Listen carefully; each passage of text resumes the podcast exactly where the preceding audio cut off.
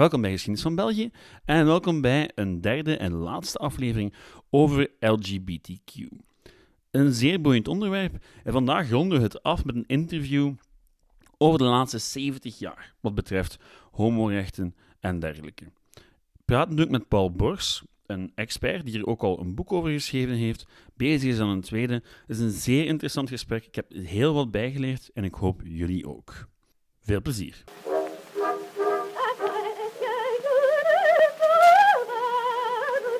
Welkom bij Geschiedenis van België en welkom bij een nieuwe aflevering. Een derde aflevering eigenlijk over LGBTQ.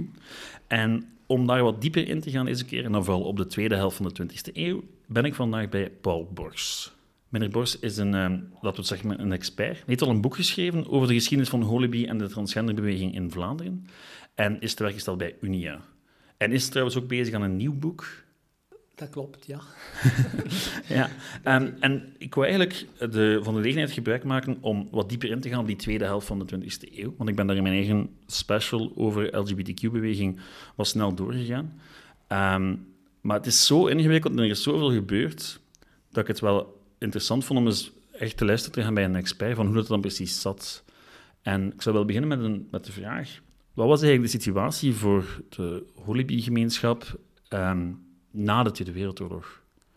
Wat is de beginsituatie op dat moment? En hoe geraken we van daaruit dan eigenlijk naar hier? Nu?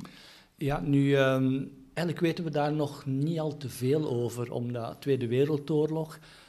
Er zijn een aantal bronnen die eigenlijk suggereren dat tijdens de oorlog, in tegenstelling tot bijvoorbeeld in Nederland, homoseksuelen met rust werden gelaten, zolang ze zich niet inlieten met, met Duitsers. Hè. Het typisch Belgische uh, fenomeen eigenlijk. Ja, van kijk, uh, zolang we er geen last van hebben als bezetter, en dat hangt dan waarschijnlijk samen met het feit dat het hier een, een, een militaire bezetting was. Hè. Mm -hmm.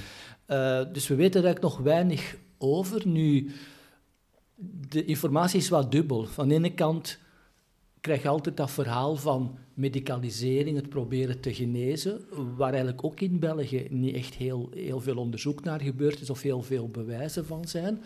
Aan de andere kant krijg je dan ook signalen dat er in de jaren 50 na de oorlog, jaren 50, dat er ondergronds heel veel mogelijk was. Er werden bijvoorbeeld contacten gelegd met uh, homoverenigingen in Nederland die toen al bestonden. Dus er, het is een beetje dubbel het verhaal. Mm -hmm. uh, maar het was uiteraard nog allemaal heel ondergronds op dat ogenblik. Mm -hmm. Liep België achter op Nederland op dat vlak, als je vergelijkt in de jaren 50, eind jaren 40? Ik denk dat België zeker een vast achterliep, omdat je kort na de oorlog is men in Nederland eigenlijk al begonnen met, met terug een, een, een homovereniging te stichten, heel kort na de oorlog. Maar men is toen ook al begonnen met internationale werking. Dus het ICSE, men had al contacten met, met zelfs de Verenigde Staten, noem maar op. Dus die, en, en het is eigenlijk een beetje vanuit, ja, vanuit uh, die internationale werking dat België in contact kwamen met wat er in Nederland gebeurde. Dat was natuurlijk niet evident, want nu heb je websites, je kan kranten kopen, maar er was een absoluut was absoluut geen informatie. En, en bijvoorbeeld een van de, de Belgen die dan op zoek ging naar wat er in Nederland was, die schreef een brief. En per vergissing kwam die brief terecht bij een verzekeringsmaatschappij, die dan heel correct was om te antwoorden van wij zijn niet diegene die je nodig hebt, maar er is hier wel een vereniging, daar kan je je toe richten. Dus dat was altijd ja, mond-aan-mond -mond reclame, geruchten. Uh, dat was niet zo evident om natuurlijk al niet in België en al zeker niet in het buitenland in contact te komen met ja, gelijkgestemden. Is er een verklaring waarom dat in België moeilijker was dan in pakweg Nederland of Denemarken bijvoorbeeld? Ja, die, die verklaring die, die wordt een beetje gelinkt aan, ja, aan, aan de algemene tolerantie, openheid in Nederland, mm -hmm. waar wij dan toch meer onder het juk zaten van, van katholicisme. Mm -hmm. uh, die onderdrukking, die, die, die, die zware, loodzware sfeer, terwijl in Nederland er ja toch meer Calvinistisch, meer openheid was, ook naar thema's zoals seksualiteit, ook sneller afstand werd genomen van, van kerkelijke normen. Ja. Uh, wat dan eigenlijk geduurd heeft tot, tot in de jaren 80, 90 was die kloof zichtbaar. -hmm. Ja, super interessant, inderdaad. Nu, ergens in de jaren 50 ga je dan inderdaad onder de puls van Nederland die, die verandering krijgen en gaat er toch iets beginnen op te duiken van vereniging. Hoe moet ik mij dat dan voorstellen? Is dat onmiddellijk al een politieke, politieke vereniging of is dat eerst nog zeer ehm, ja, kleinschalig en, maatschappelijk? Ja, het is eigenlijk Suzanne Daniel, dus een vrouw, een schuilnaam, want ze heette niet Suzanne Daniel, maar ze gebruikte een schuilnaam. Zij is eigenlijk in 1953, door contacten die ze had met Nederland, kreeg zij vanuit Nederland eigenlijk de vraag, wil je niet beginnen in België met een afdeling van wat er hier gebeurt? En zij is dan beginnen ja, mensen contacteren, uh, ze heeft ook een, een, een uh, bijeenkomst belegd. In 1954 zijn ze daar dan mee gestart, maar het is eigenlijk ook onmiddellijk gestopt, omdat er vrij snel conflicten waren al binnen de groep. Er waren mannen, zij was dan een vrouw. De mannen wilden eigenlijk niet gecommandeerd, gedomineerd worden door vrouwen.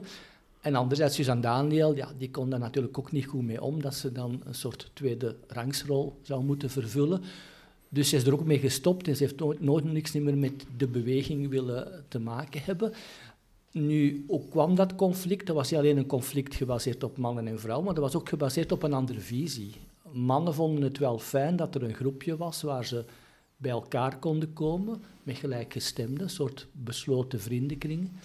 Terwijl Suzanne Daniel al veel meer naar buiten wilde. En dat botste natuurlijk, want ja, die mannen wilden daar een vriendenclubje van maken. Die wilden geen studiedagen, geen congressen, geen openheid. En Suzanne Daniel wel. En eigenlijk is dat conflict tussen meer besloten en meer open, is dat eigenlijk nooit niet meer weggegaan. Mhm. En blijft dat nog altijd zelfs een stukje wegen op de, op de beweging, nu, op dit moment. Dat is super interessant, want ik heb het gevoel dat Suzanne Daniel dan met het, het Nederlandse beeld in haar hoofd zat, van echt, en ook op termijn politieke druk gaan uitoefenen en rechten gaan opeisen, terwijl dat je dan... En na 54, hoe lang is er dan een, gat? Hoe lang stopt het dan? Ja, het stopt dan. Ehm, het gaat eigenlijk door in Wallonië. Dus die, die besloten vriendenkring gaat wel nog een stuk door. Maar dan, eh, na een aantal jaar, komt er dan in Vlaanderen terug een groep. In, in Antwerpen, door Walter van Bokselaar opgericht. Ook weer eigenlijk toch wel redelijk besloten, mm, waar men dan terug gaat beginnen. En eigenlijk het, ja, het, het, de openheid komt dan in, in Vlaanderen, maar dat is allemaal nog heel voorzichtig. En dan eigenlijk de grote doorbraak is dan wanneer je echt de, studenten zich gaan verenigen. Hè? Zowel in, in Gent als in Leuven. En wanneer je dan in de jaren 60 de studentenverenigingen krijgt. En is dat echt geleerd dan? Moet ik dat dan paren aan de sociale beweging die je kijkt aan de universiteiten in de loop van de jaren 60? Past dat daarbij? Dat past daarin, inderdaad. Dus die grotere openheid, het, uh, het, het, feit dat, dat jongeren als een groep zich ook gaan manifesteren. Hè. Ze krijgen door de ja, de betere sociale omstandigheden enzovoort, krijgen ze ook meer ruimte om mhm. eh, jong te zijn, om met allerlei dingen bezig te zijn. En dan begint eigenlijk, ja, en dan onmiddellijk daarop pikt dan heel de beweging van, ja, die ontstaan is na mei 68, die dan in feite ja, gaat leiden tot, tot echt die uh, de beweging die we gekend hebben in de jaren 70, 80, heel militant, heel uh, open, heel manifest, de, de rode hond en vooral dan de rode vlinder. Komen we zo meteen op terug. Die, even terug naar die studentenvereniging, waren die onmiddellijk al politiek actief? Of was dat eerst besloten? Of was dat nog ergens een compromis tussen de twee, waar dan men de, twee probeerde te doen? Ja, ik, uh, voor zover ik dat kan inschatten, heb je daar ook altijd die, ja, die tweestrijd gehad. En bijvoorbeeld Leuven was veel beslotener dan bijvoorbeeld Gent. Maar had natuurlijk wel in Gent had je natuurlijk ook wel proffen die, ja, die een stuk ook die openheid hadden. Uh, Bob Carlier een van de bekendere. Ehm, en, en ja, dat maakte dat natuurlijk ook wel een stukje binnen dat milieu mogelijk was om, om dingen te organiseren. Uh, maar ik zeg het, je hebt daar ook weer die strijd tussen dan degene die dat heel besloten wilden houden en degene die ja, ook naar buiten wilden, die bijvoorbeeld actie gingen voeren door in hetero-dansings uh, gaan te dansen, dat soort dingen. Uh, wat dan ja, voor anderen weer heel chockerend was. Werden zij geconfronteerd met geweld of met, met politioneel ingrijpen? Wel, de, er waren in de tijd wel, uh, was het wel bekend dat de Rijkswacht dan uh, fiches bijhield van uh, verdachte, ja, verdachte personen, homoseksuelen, wat dan ertoe leidde dat men controle ging houden in uh, discotheken. Dat was ook vrij repressief. Maar je had natuurlijk ook in 1965 het fameuze artikel 372 bis, dat werd ingevoerd in het strafwetboek. En dat de toestemmingsleeftijd voor seksuele contacten, voor homoseksuele, lesbische contacten, op 18 jaar legde. Terwijl de andere, voor heteroseksuelen, daar was de toestemmingsleeftijd 16 jaar. En dat, gaf natuurlijk, ja, dat, dat, maakte natuurlijk indruk, want in 1965 was men in andere landen al bezig met dat soort wetten af te schaffen. En ineens wordt daar in België, in strafwetboek, een onderscheid gemaakt en wordt eigenlijk voor de eerste keer worden homo's, lesbiennes geviseerd. Uh, en dat heeft tot 85 blijven bestaan. Het is een ongelooflijke ironie dat men in België zeer lang wettelijk gezien eigenlijk geen wettelijk kader had om, om, om aan repressie te gaan doen. En dat het dan in 65 plots komt. En eh, ik weet niet, wat, tot, tot, ik weet niet tot op welke hoogte dat, echt werd afgedwongen, dat het echt gebruikt werd, het wettelijk kader. Ja, nu, het was wel zo dat je het hele, het hele kader had rond openbare zedeschennis hmm. en, en, en um, ontucht. En dat, dat soort containerbegrippen waar men ook alle, eigenlijk alle kanten mee om kon. En er zijn inderdaad ook wel, wel uh, indicaties dat bijvoorbeeld in Brussel, in, in openbare toilettenparken, ook effectief wel gecontroleerd werd op ontucht, openbare zedeschennis. Um, maar dat artikel 372 bis, dat was natuurlijk zo schokkend, omdat hij heel expliciet een, onder, een discriminatie invoerde. En dat werd effectief wel afgedwongen. Nu, hoeveel mensen er in de gevangenis hebben gezeten op grond van artikel 372 bis, weet ik niet, maar het is wel zo dat natuurlijk als je in aanraking kwam met het gerecht, dat dat wel consequenties had. Hè. Je kon je job verliezen, je kon als ambtenaar ontslagen worden. En een van de bekendste mensen die daarmee in aanraking gekomen is met, met dat strafrechtelijk kader dan in het algemeen, dat is uh, Wilferdi. Wilferdi is op een bepaald moment, uh, eind jaren 60, in, uh, aan de kust opgepakt door een politieagent die eigenlijk andere mannen aan het lokken was. Wilferdi is daarop ingegaan. Is dan ook voor de, uh, voor de rechtbank gekomen, is, is uh, voor, voor ontucht. En dat heeft ertoe geleid dat Wilferdi uh, iets later zijn coming-out gedaan heeft. Hij was daar zo van verontwaardigd uh, dat hij ook gezegd heeft, nu ga ik uit de kast mhm. komen. En is dan eigenlijk de eerste bekende figuur geweest in Vlaanderen die publiekelijk uit de kast is gekomen. Met voor hem ook heel veel uh, ja, kwalijke gevolgen. Hè, van uh, sponsors die afhaakten enzovoort. Het gaat, in de literatuur die ik gevonden heb, gaat het zeer vaak over Ferdi. Het wordt zeer vaak opgevoerd ja, als een ja. icoon. Ik vind het wel moeilijk om in te schatten in welke mate je op de persoon moet focussen en hoe belangrijk die geweest is. En in welke mate dat het betere maatschappelijke veld maar dat hij altijd terugkomt en dat het ook een figuur is die vandaag de dag is met pensioen, maar nog altijd een zekere populariteit geniet. Klopt dat ook, die rol van Ferg, dat daar zo op gefocust wordt? Is dat ook echt wel ja, van dergelijk belang ik, geweest? Ik denk dat eigenlijk wel dat, die, dat Wilfer toch wel echt heel belangrijk was. Want hij, hij, zat toch wel in dat Vlaamse katholieke milieu met zijn muziek. Een van de sponsors was de Gazet van Antwerpen. En om, om, om echt heel persoonlijke reden beslist hij dan eigenlijk om, om, alles in de waagschaal te gooien en zijn coming-out te doen. Van de andere kant was natuurlijk Wilfer, was niet de militant die met de Roze Zaterdag op de praalwagen ging staan. Die had ook natuurlijk zijn achtergrond. En hij, hij, nam ook heel uitdrukkelijk afstand van de rode vlinder bijvoorbeeld. Hij wilde niet optreden voor de rode vlinder, want hij vond dat exhibitionisten. Dus aan de ene kant was hij heel belangrijk en is hij heel belangrijk omwille van wat hij veroorzaakt heeft, maar aan de andere kant ja, zat ook wel met, met een aantal ja, ideeën mm -hmm. over homoseksualiteit, waar hij dan ook aan vasthield. Even voor de luisteraars die uh, jonger zijn en geen grootvader hebben gehad zoals de mijne, die mij heeft ingeleid in de kunst van de slagermuziek. Het was echt wel zeer klassieke slagermuziek, die wel zeer populair was binnen de katholieke zuil. Ironisch genoeg dus, net die zeil die het moeilijkste, het, het moeilijkste had met, met, met, homoseksualiteit in die periode. Ja, nu, of het echt slagermuziek was, ik denk, denk dat het zo de betere kleinkunst, ja. betere genre was. Want hij zong dan liederen van uh, Guido Gezellen en zo. Mm -hmm. Dus het was, het was toch wel... En hij was inderdaad immens populair in die kringen. En, en, dus dat moet voor hem toch wel veel betekend hebben om dat allemaal op te geven. Absoluut. En, ja. en eigenlijk te, op televisie dan nog, hè, te zeggen van ja, ik, ik ben homo. Uh. Ja, dat is ongelooflijk, want ik, ik, ik wist het ergens wel, maar te weten dat er in de jaren zeventig al iemand op tv was waar men van wist dat hij openlijk homoseksueel was. Het is redelijk ongelooflijk als je dan weet daarnaast dat iemand als een Bart Kael, dat hij veel langer gewacht heeft. Ja, die is tuurlijk. veel later pas uit de kast Ja, gekomen. maar al in de jaren zeventig was er iemand. Om daar even op terug te komen, op de Rode Vlinder, een, een naam die al een paar keer gevallen is. Dat is een van de verenigingen die, zou- die gaat opduiken na mei 68. Wat moeten we ons daar precies bij voorstellen? De naam is al fantastisch, maar wat moeten we ons daar precies bij voorstellen? Ja, nu, mei 68 is nog wel vroeg. Hè. Ik Mhm. had, eh, in Nederland is er actie gevoerd, je hebt dan Stonewall. En wij hebben allemaal het idee van 1969, hè, eh, Stonewall, eind juni, dat is zo het beginpunt geweest, daar is alles begonnen. Stonewall is in, in New York. In New York eh, opstand tegen de politie eigenlijk in de Stonewall Inn. eh, waarbij homo's en vooral ook, ook transgender personen gezegd hebben: wij pikken de repressie van de politie niet meer, wij gaan in opstand.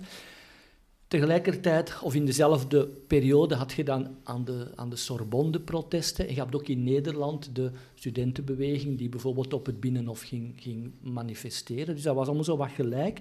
Nu, hier is dat wat trager op gang gekomen. Je moet eigenlijk wachten tot, ja, tot de eerste helft van de jaren 70 met de rode hond en vooral dan rode vlinder vanaf eh 76. Dus dat is hier wat trager op gang gekomen. We hebben vaak het beeld van mei 68, dan stond de rode vlinder hier ook klaar met spandoeken. Dat is, die evolutie is eigenlijk, heeft zich veel later ontrold. Maar het is eigenlijk een, een beweging die als slogan had...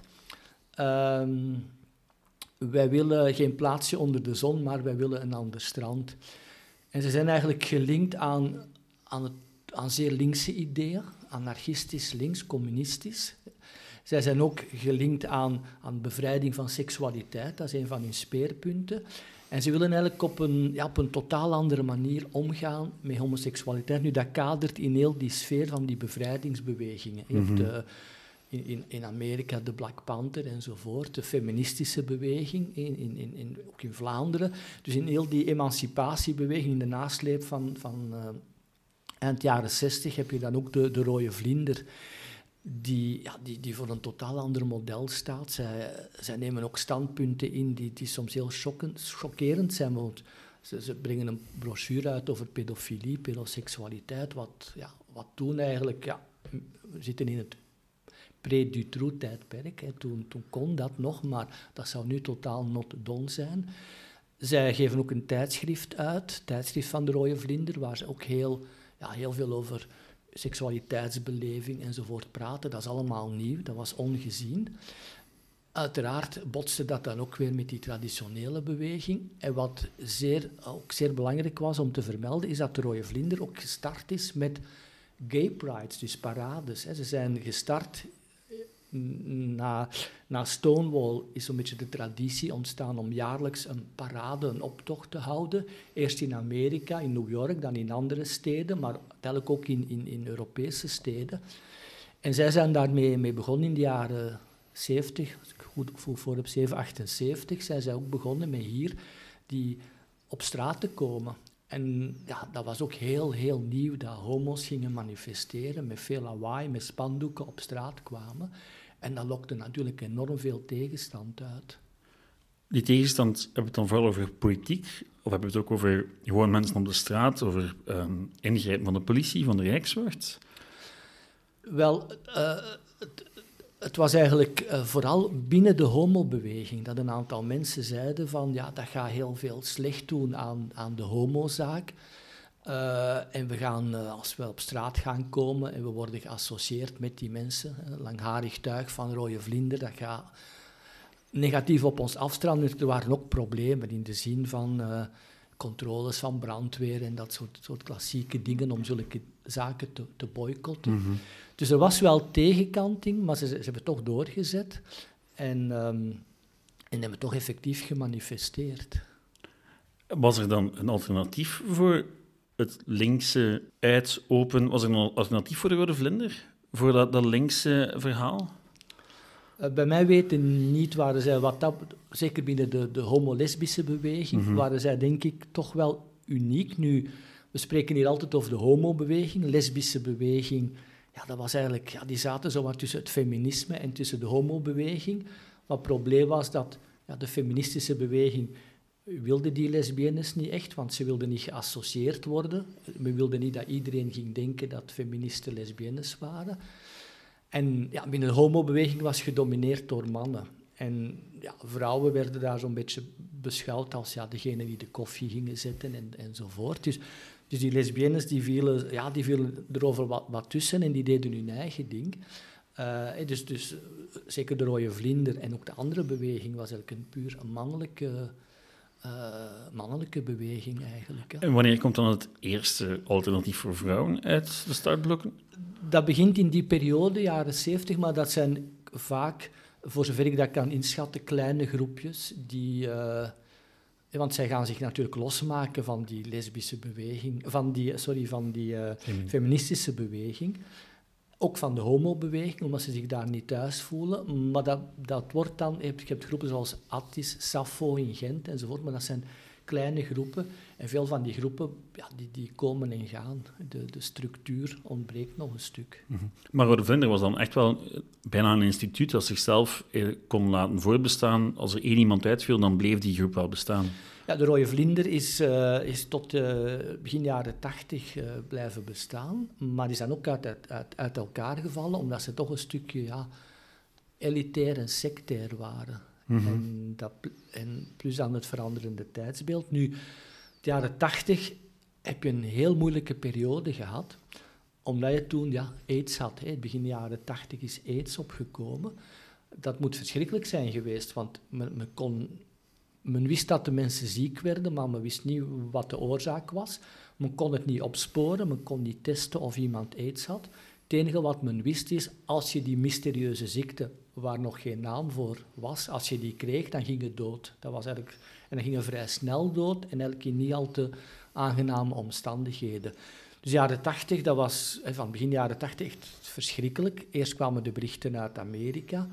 Dan had je ook in, in, in Vlaanderen, in België, mensen die, die uh, begonnen te sterven aan aids. Dan had je ook nog de opkomst van het Vlaams Blok destijds die, zeer, uh, die toen uh, toch heel regelmatig zeer homofobe standpunten verkondigde. Um, en dan had je nog eens het feit dat de, de traditionele beweging, dat die eigenlijk onder druk van de overheid eh, een fusie waren aangegaan. De overheid had gezegd, we willen wel heel bescheiden subsidies geven, maar dan moeten jullie samenwerken. Maar als gevolg dat groepen bij elkaar werden gedwongen die alleen maar ruzie maakten. Iedereen had ruzie. De, de katholieken met de vrijzinnigen, de vrouwen met de mannen, de mensen die werk hadden in de beweging, enkele mensen met de vrijwilligers. En in de jaren tachtig krijg je dus ja, drie spanningsvelden. Een beweging die eigenlijk onder druk van de overheid compleet implodeert. AIDS, waarbij iedereen naar de homo's wijst en zegt van ja, moet opletten, want homo's verspreiden ziektes enzovoort. En dan nog het Vlaams Belang, en dan heb je ook nog eens de, de economische crisis. Dus, dus, van alles komt ermee samen. En dan, ja, dan stopt de rode vlinder. De, het is opge, opgebruikt. Je krijgt dan de opvolger, uh, het Roze Actiefront, hè, dat dan een beetje de erfenis overneemt, maar iets minder radicaal. En dan de beweging die blijft eigenlijk tot, ja, tot begin van de jaren 90 gewoon totaal geïmplodeerd. En dan toch komt in 1985 een einde aan het, uh, het wetsartikel dat we het eerder over hadden. Dat klopt. En dat is eigenlijk uh, zelfs bij de beweging een beetje onopgemerkt voorbij gegaan. Omdat ja, er was eigenlijk niemand die nog met dat soort dingen bezig was. Nu, men had, men had heel sterk gelobbyd vanuit aan de federatie werkgroep homoseksualiteit om dat artikel af te schaffen. Roye Vrienden had op straat betoogd en, en het, het element van de betoging wat ze naar voren schoven was afschaffing van 72 bis. Dus er werd van verschillende kanten op een, op een andere manier werd er een uh, druk uitgeoefend. Uiteindelijk is men dan toch, ja, het, het, nu heel dat artikel 372 bis, dat ging uit van de verleidingstheorie. Men dacht dat men homo werd doordat men verleid werd door iemand die ouder was. Dus was de redenering we moeten ervoor zorgen dat er een leeftijdsverschil is bij seksuele contacten, zodanig dat ouderen jongeren niet kunnen inleiden, verleiden en inleiden in homoseksualiteit. En rond 85 was het wel voor iedereen duidelijk dat die verleidingstheorie dat die compleet onzin was, dat dat dus niet klopte. En ja, overal was die gelijkaardige wet afgeschaft, in Nederland enzovoort. De theorie waarop die wet gebaseerd was, klopte van geen kanten. Ehm, en dan had ook nog de druk vanuit de beweging. Dus dat maakte dat men uiteindelijk, maar het heeft veel te lang geduurd, want dat proces heeft heel lang aangesleept, uiteindelijk toch die wet heeft afgeschaft. Nu had hij in diezelfde periode ook nog eens de inval in de macho-sauna, waar de politie op een bepaald moment in een sauna is binnengevallen, een homo-sauna, die uitgebaat werd door Vincino en, en Hane. Vincino was professor in de rechten aan de VUB. En de, de politie had in die sauna eigenlijk niks gevonden, tot ze op een bepaald moment ergens door een spleet van een cabine gingen kijken en twee vrijende mannen uh, aantroffen.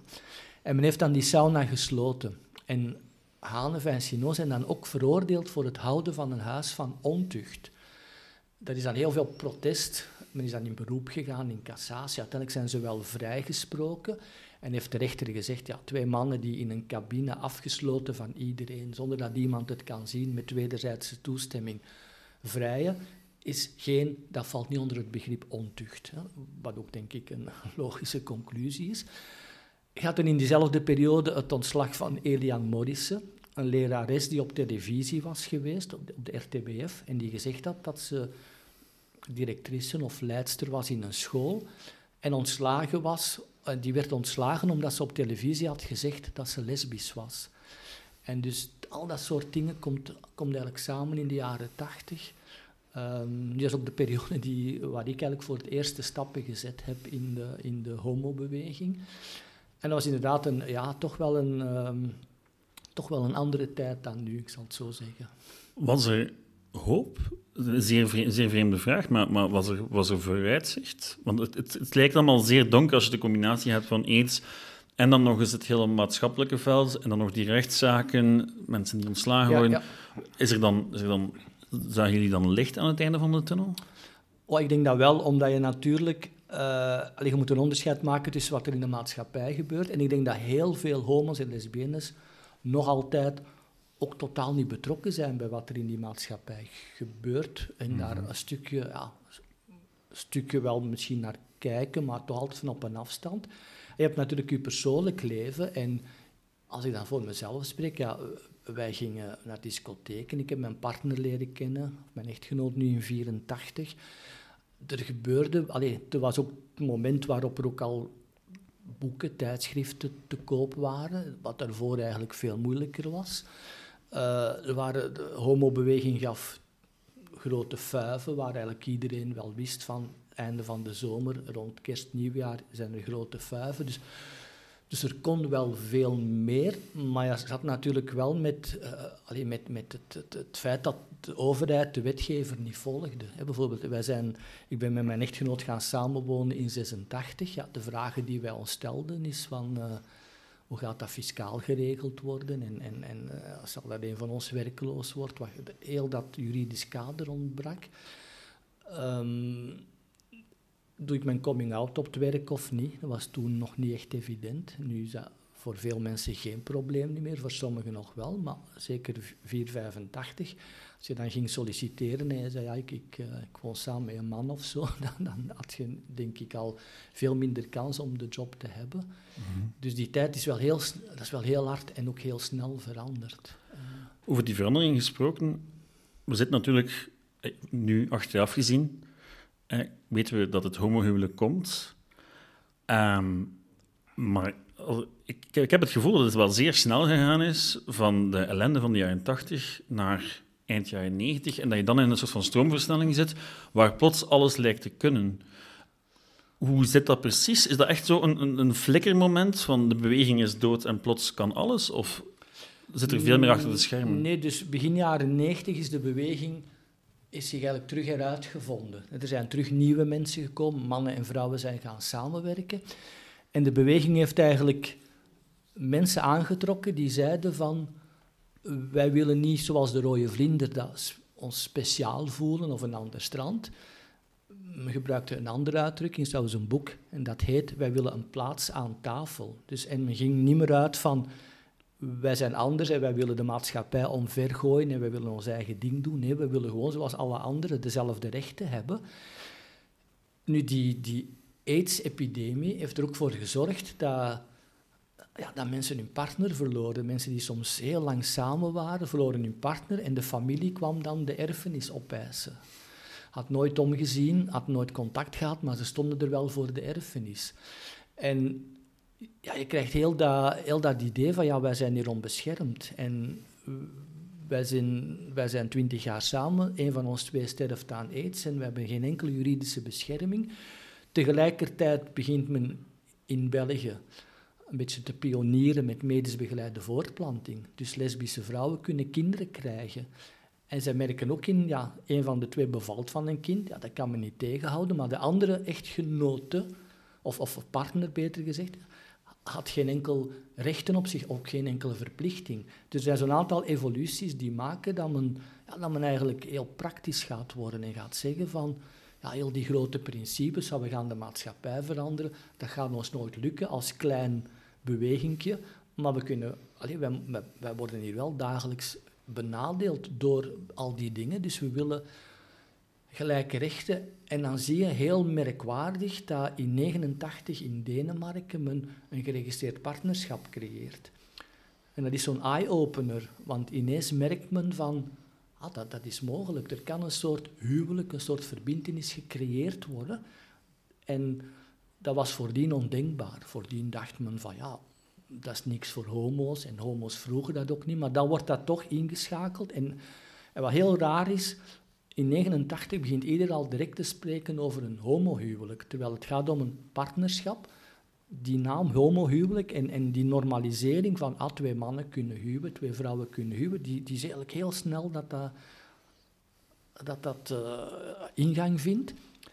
En dan gaat de beweging ook ijveren voor een antidiscriminatiewet, openstelling van het huwelijk en dan vervolgens adoptie. Maar ze doen dat uh, eigenlijk vanuit Federatie Werkgroepen Homoseksualiteit, hebben ze de cel politiek opgericht.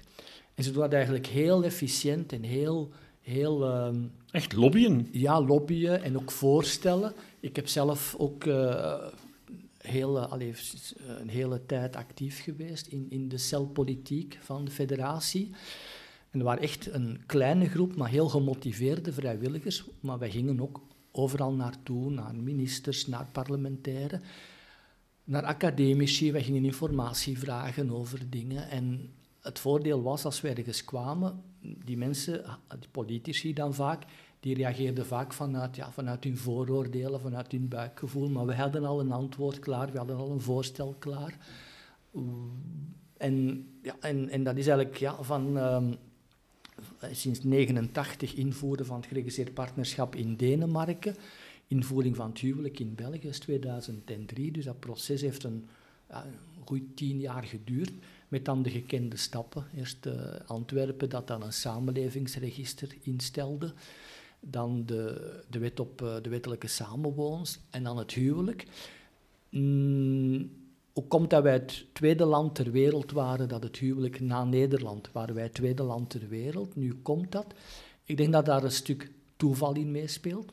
De dioxinecrisis. De dioxinecrisis heeft gezorgd dat op een bepaald moment de christendemocraten verdwenen uit de regering en dat je een paars-groene coalitie onder leiding van Verhofstadt had, die gezegd hebben, we gaan inzetten op ethische thema's, dat kost ons niks, de tijd is er rijp voor.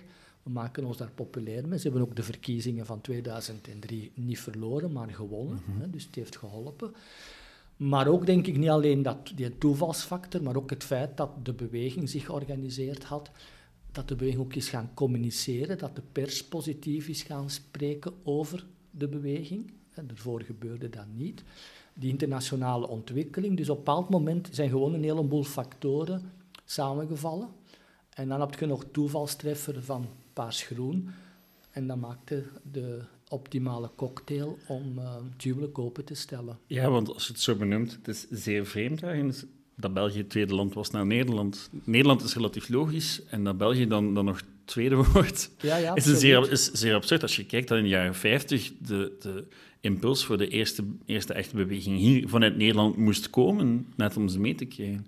Ja, dat klopt. Uh, het is inderdaad merkwaardig dat Nederland het, eh, het eerste land was. Alleen merkwaardig, ze hebben ook hun eigen geschiedenis natuurlijk gehad. En bij hen zijn ook een aantal mensen die op een bepaald moment gezegd hebben: ja, waarom kunnen we gewoon het huwelijk niet openstellen? Het is, allee, nu kijk je daar zo op neer van, dat is op terug van, ja, dat is de logica zelf. Mhm.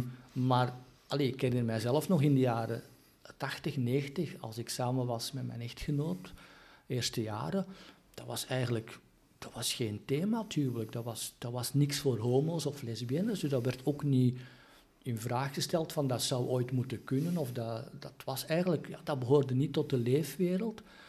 Uh, en het is eigenlijk met, ja, in Denemarken dat men, dat men dat voorbeeld gegeven heeft. En dan is men in Nederland erop gaan voortborduren van, ja, maar waarom dan een aparte regeling?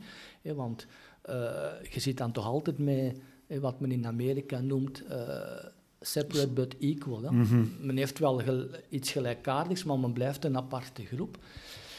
En het is eigenlijk tot 2003, wanneer het huwelijk opengesteld is, is het eigenlijk altijd toch...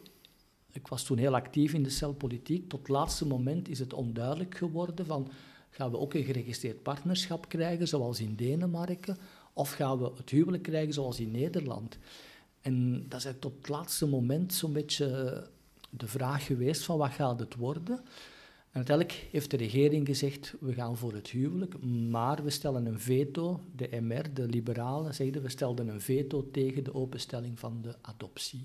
Mm maar chapeau dat, allez, chapeau dat men in België ook die stap gezet heeft, want mhm. dan heb je natuurlijk ook nog Canada gehad, Zuid-Afrika, noem maar op. Dus dan is eigenlijk de, ja, de olieflexie beginnen verspreiden. Hè. Maar men kwam al van heel ver in België natuurlijk.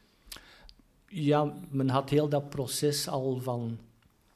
Allee, men had uh, Tom Lanois, hè, natuurlijk, het, het, het, het, registratie van het samenlevingscontract van Tom Lanois en René Los.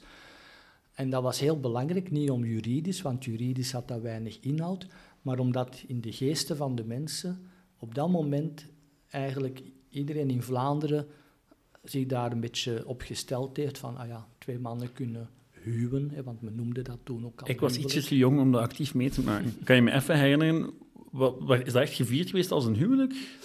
Dat is niet gevierd geweest als een huwelijk, want dat was heel duidelijk de registratie van een samenwonings, een notarieel dus eigenlijk gewoon een administratief dingetje. gebeuren. Dat mocht ook niet, dat mocht ook niet in het stadhuis van Antwerpen. Dat is eigenlijk op, op bureel van, van de schepen van burgerlijke stand doorgegaan. Dus dat was absoluut niet vergelijkbaar met een huwelijk. Dat was juridisch ook, de Holby-beweging, ja, die, die had daar kritiek op, want die zei van, dat is inhoudsloos. Mm, maar de mensen begonnen dat ook een huwelijk te noemen. En voor hen, en ik herinner mijzelf nog in de familie, dat op, in, in, die periode, dat mensen, eind jaren negentig dan, dat mensen in de familie vroegen, ja, homo's kunnen toch huwen, want ze hadden dat gezien. Dus, dus voor, mensen, alleen voor mensen was dat al heel rap zoiets aanvaard van, ah ja, oké, dat... en dat heeft symbolisch, symbolisch heeft dat niet alleen de discussie op gang gebracht in de pers, want men heeft maanden gediscuteerd in de pers, maar dat heeft ook, ook gewoon bij de bevolking zo'n een, een, heel ander beeld over homo's en lesbiennes gecreëerd. Mhm. Ehm, dus dat, dat, is, allee, dat is een van de cruciale punten geweest om uh, later het huwelijk in te voeren. Ja, het is wel interessant dat we twee keer over, over bekende Vlamingen uh, in gesprek gegaan zijn, over die boegbeelden die dan ja, het, het een menselijk gelaat geven natuurlijk. Hè. Ja, ja. Ik denk dat je, allee, je, hebt, je hebt een sterke lobbymachine nodig. Ja? Uh, je hebt mensen nodig die achter de schermen uh, contacten leggen enzovoort.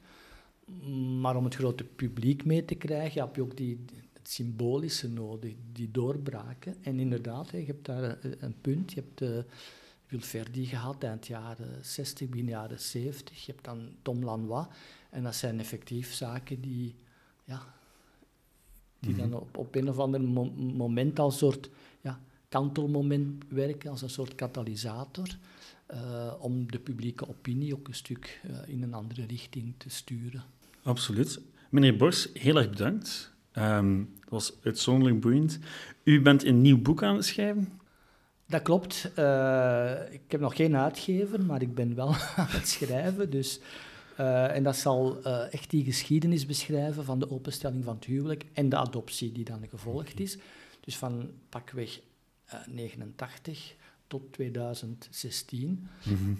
um, dus heel die evolutie van omslag van CVP toen, problemen aan Franstalige kant, noem maar op. Super boeiend. En er is al een boek, um, de geschiedenis van Hollyby en transgenderbeweging in Vlaanderen. Is dat nog te verkrijgen ergens? Moesten er mensen geïnteresseerd zijn? Uh, dus het boek heet Hollyby Pioniers.